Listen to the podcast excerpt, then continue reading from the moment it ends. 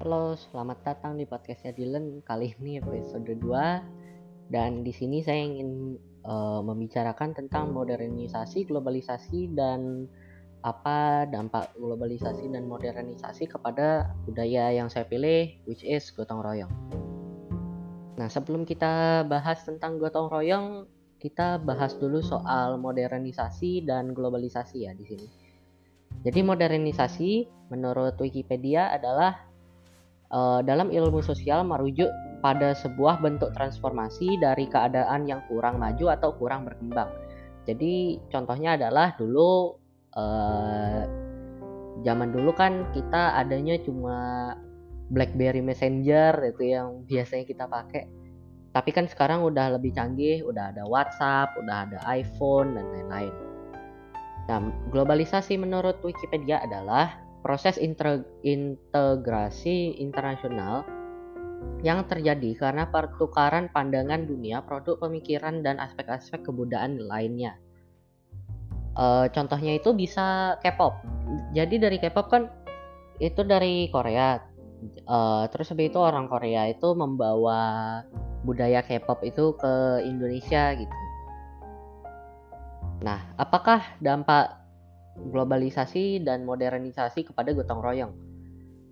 Nah, dampaknya itu ada uh, sangat banyak ya. Tapi saya ambil satu contoh aja.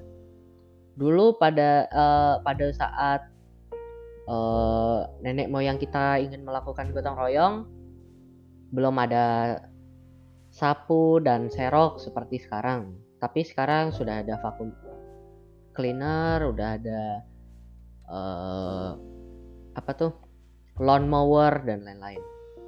Nah, contoh-contoh gotong royong yang ada di Indonesia itu apa aja sih? Nah, ada kerja bakti, membersihkan lingkungan sekitar, uh, membantu memben membenarkan wa rumah warga yang hancur, dan lain-lain.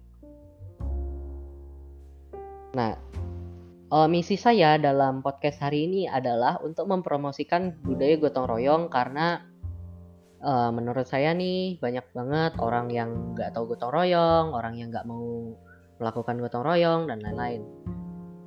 Nah, caranya saya akan mempromosikan gotong royong ini adalah lewat sosial media. Jadi uh, mohon di share podcast ini, tell your friends uh, supaya mungkin bisa viral dan ya gotong royong bisa menjadi hal yang sehari-hari lagi gitu.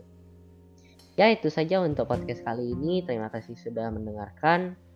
Jika ada yang salah, mohon maaf dan jika ada feedback, mohon beritahu saya secepatnya ya. Terima kasih. Bye bye.